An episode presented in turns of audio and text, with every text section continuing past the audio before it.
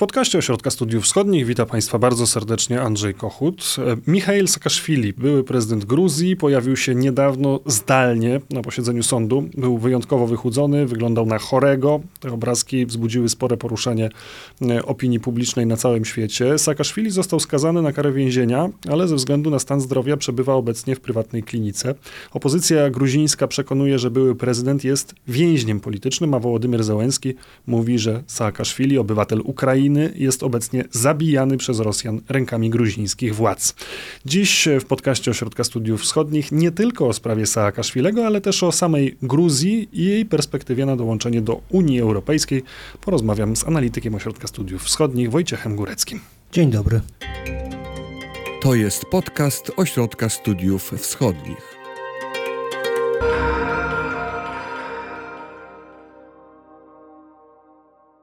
Prezydent Gruzji ułaskawiła niedawno Nikę Gwaramię, bliskiego współpracownika byłego prezydenta Michaila Saakaszwilego, który również był uznawany przez gruzińską opozycję za więźnia politycznego. Dlaczego nie samego byłego prezydenta? W tej sprawie jest kilka aspektów. Po pierwsze jest to aspekt formalny.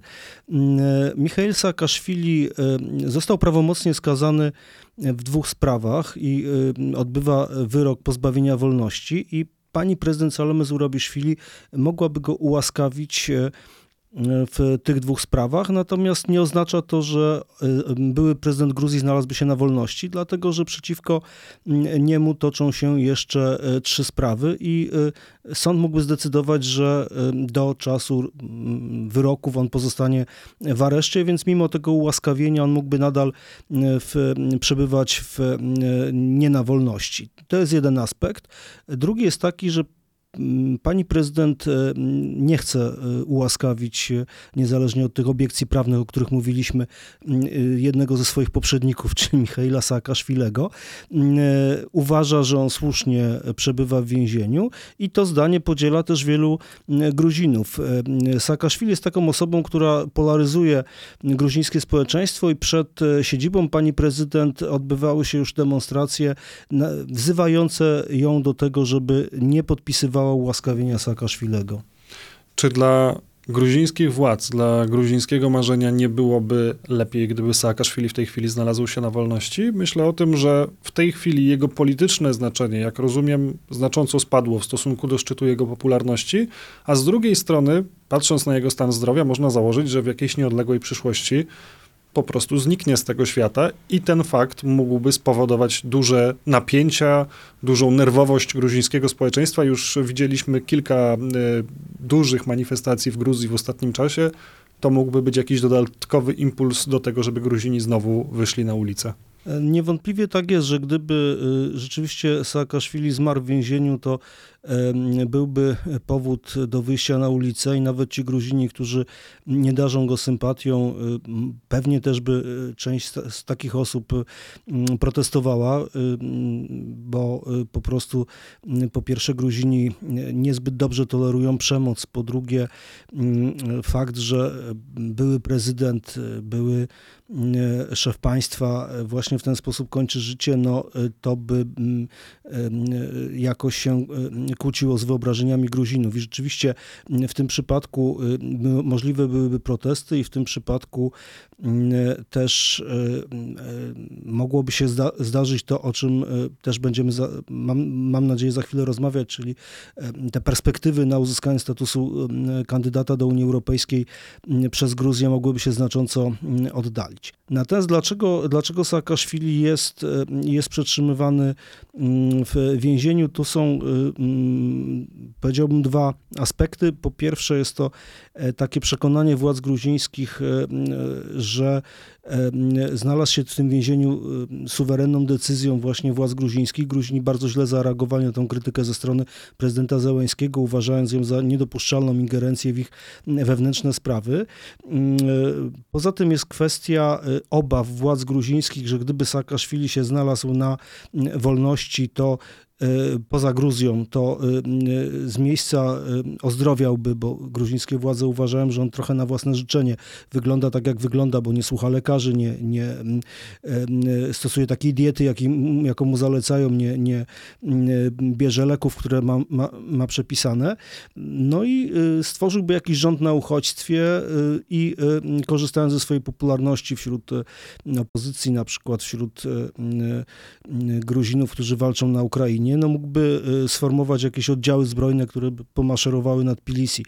No to oczywiście jest w tej chwili daleko idąca jakaś fantazja, ale coś takiego na pewno gruzińskim elitom po głowach chodzi. No i jest jeszcze, jeszcze aspekt taki psychologiczny, czyli konfliktu pomiędzy Bidziną Iwaniszwilim, najbogatszym Gruzinem, patronem władz gruzińskich, założycielem rządzącego ugrupowania Gruzińskie który nie pełni żadnej funkcji publicznej i Michailem Saakaszwilim, który również nie pełni żadnej funkcji publicznej. I teraz, czy on jest istotny, myślę o Saakaszwilim, no on jest istotny nie z uwagi, jaką pozycję w tej chwili odgrywa, bo, bo, bo, bo nie pełni żadnej funkcji, ale on jest punktem odniesienia. Podobnie jak Bizina Iwaniszwili jest punktem odniesienia dla gruzińskiej polityki, jest takim też czynnikiem sprawczym, to również Michail Saakaszwili jest takim punktem odwołania i z tej racji jest ważnym czynnikiem w polityce gruzińskiej, chociaż, chociaż formalnie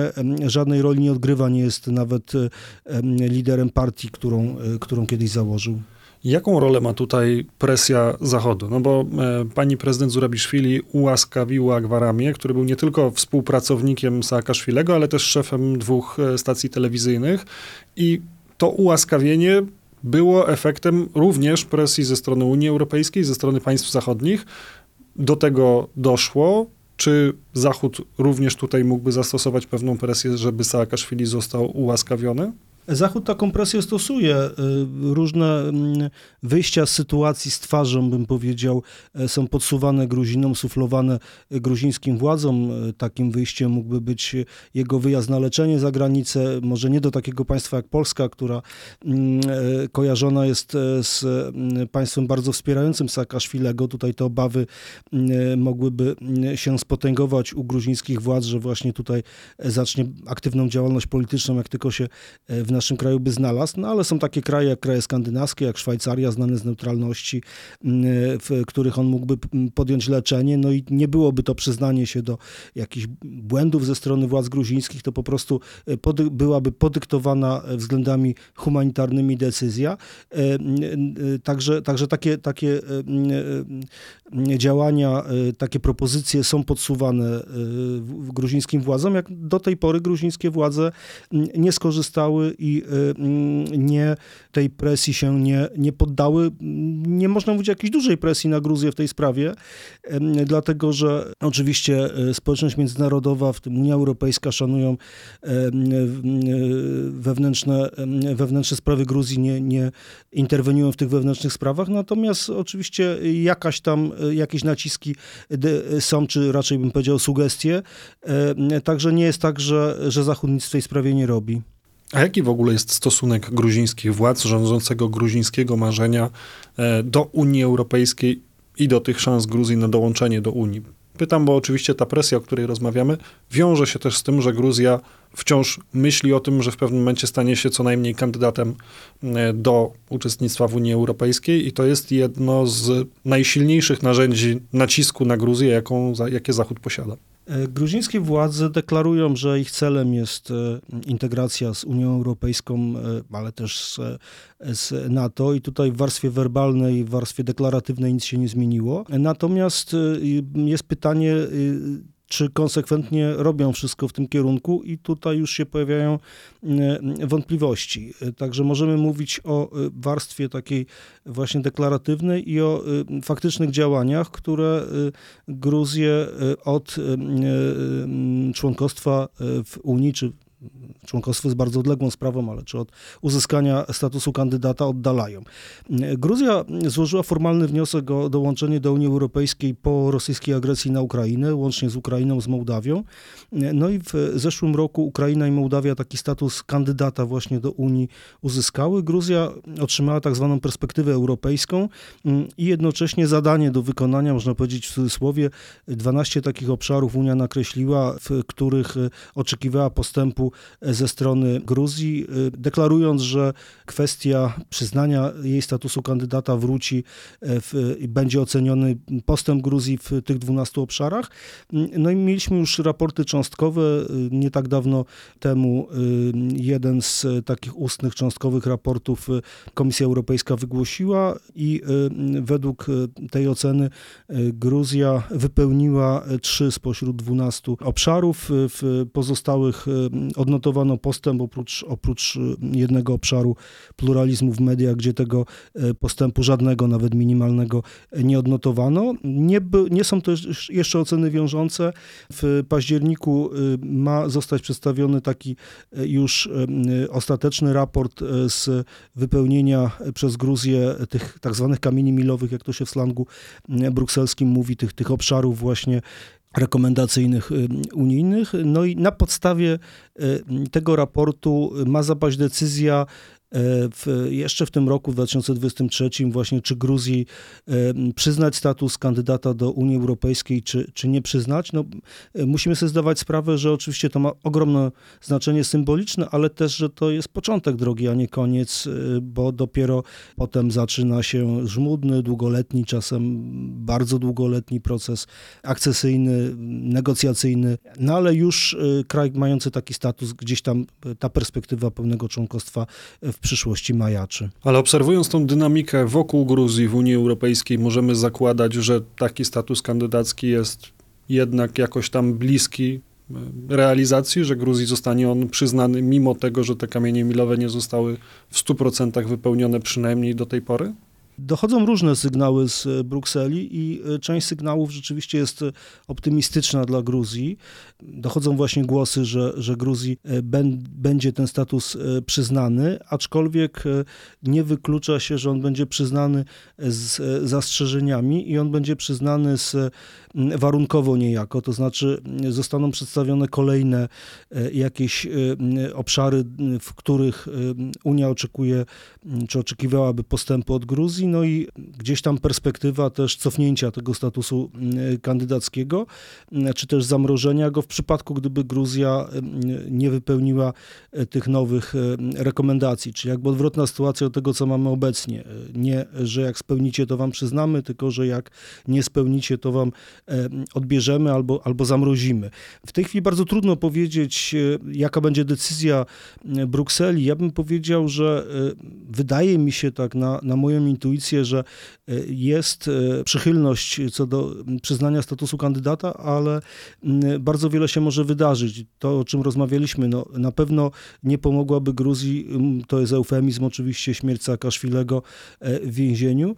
Też bardzo wiele zależy od sytuacji na froncie na, na Ukrainie, bo, bo to jest taki czynnik, który będzie o bardzo wielu rzeczach decydował na całym obszarze byłego Związku Radzieckiego i szerzej. Jak już mówimy o wojnie na Ukrainie, myślimy też o Rosji, na ile obecność Rosji powoduje, że Bruksela jest dzisiaj trochę bardziej wyrozumiała wobec Tbilisi i wobec Gruzinów. Czy nie jest tak, że decyzja odmowna ze strony Brukseli byłaby no już takim wprost popchnięciem Gruzji w kierunku Moskwy i w kierunku Władimira Putina?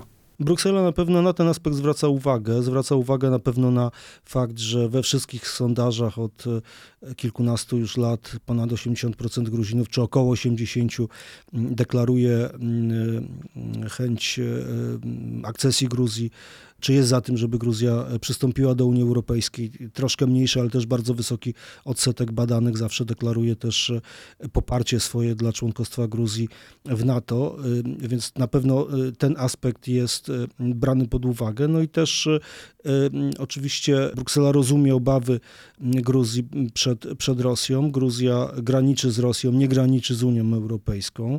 Tutaj dość często mam wrażenie, niektórzy komentatorzy zapominają o mapie po prostu, mówiąc o gruzińskich decyzjach czy o polityce wobec, wobec Gruzji. No, oni z tą Rosją sąsiadują i oni mają doświadczenia wojny 2008 roku rosyjsko-gruzińskiej. I jak przypominają, ponad 20% terytorium Gruzji jest wciąż przez Rosję okupowanych. No tak, mowa o e, Abchazji i tak zwanej Osetii Południowej, czyli dwóch e, terytoriach gruzińskich, regionach, które Rosja uznała po tejże wojnie 2008 roku za samodzielne państwa. Mm, także ten aspekt na pewno jest brany pod uwagę, natomiast no, nie może e, też mm, niepokoić pewien mm, pewna ostentacja, z, z, jaką y, Gruzja normalizuje relacje z Rosją, te pozapolityczne, bo oba kraje cały czas nie mają, trudno sobie wyobrazić, żeby miały y, wznowione stosunki dyplomatyczne, no ale na początku maja mieliśmy wznowienie ruchu lotniczego po, po, po, po kilkuletniej przerwie. E, teraz e, od dzisiaj, od 5 lipca, liczba lotów pomiędzy Moskwą a Tbilisi ma wzrosnąć do 24 w tygodniu, to już jest bardzo dużo. E, no i to są, oczywiście Tbilisi ma wytłumaczenie, że to jest dla dobra diaspory gruzińskiej, której rzeczywiście trochę mieszka w, w Rosji, ale no to jest takie ostentacyjne zbliżanie z krajem, który toczy, toczy wojnę, jest agresorem na Ukrainie. No i to są działania, które no idą jednak, y, są w sprzeczności y, z linią mm, Unii Europejskiej, do której Gruzja aspiruje. Choć oczywiście też należy pamiętać o tym, że w tym odblokowaniu ruchu lotniczego pomiędzy Gruzją a Rosją, jak rozumiem, pewną rolę odgrywa też wzmożony ruch turystyczny Rosjan, którzy mają bardzo ograniczone perspektywy, jeśli chodzi o wakacyjne wyjazdy poza granicę swojego kraju. Gruzja jest e, jednym z ostatnich takich bardzo atrakcyjnych państw, które jednocześnie nie są specjalnie daleko z perspektywy rosyjskiej. No ten aspekt na pewno oczywiście też, też, jest, e, też jest ważny. E, no ale też e, Gruzja bardzo zwiększyła swoje obroty z, z Rosją w, w zeszłym roku. No to jest to z wieloma rzeczami związane, między innymi z obecnością też migrantów z Rosji, którzy unikając poboru do armii, bądź też nie zgadzając się na politykę Kremla, przenosi się poza Rosję, w tym między innymi do Gruzji, gdzie spora część społeczeństwa cały czas mówi po rosyjsku, gdzie też dominującym wyznaniem jest religia prawosławna, czyli pod takim względem kulturowym mogą się tam dosyć dobrze Rosjanie e, czuć. No i w Gruzji, nawet jeszcze po wojnie rosyjsko-gruzińskiej, do Rosjan nie było aż takiej wrogości jak do państwa rosyjskiego, tak, do Kremla, do Moskwy, natomiast nie do, nie do Rosjan. No i z tego ci, ci Rosjanie korzystają. Na pewno oczywiście im jest łatwiej wyemigrować na stałe czy czasowo do takiego kraju jak, jak właśnie Gruzja, niż do jakiegoś bardziej oddalonego, czy geograficznie, czy, czy kulturowo. Jeżeli zainteresowała, zainteresował Państwa ten wątek napięć wokół Gruzji pomiędzy Zachodem a Rosją, to nie pozostaje mi nic innego, jak odesłać Państwa na nasz kanał YouTube'owy, na którym niedawno pojawił się film dokumentalny Ośrodka Studiów Wschodnich Gruzja cicha wojna między Zachodem a Rosją. Filmu, który zresztą mieliśmy z obecnym tutaj Wojciechem Góreckim przyjemność współtworzyć. Bardzo Ci dziękuję za tą dzisiejszą rozmowę. Dziękuję bardzo, również zachęcam do obejrzenia filmu w reżyserii Andrzeja Kochuta. Do usłyszenia. Do usłyszenia.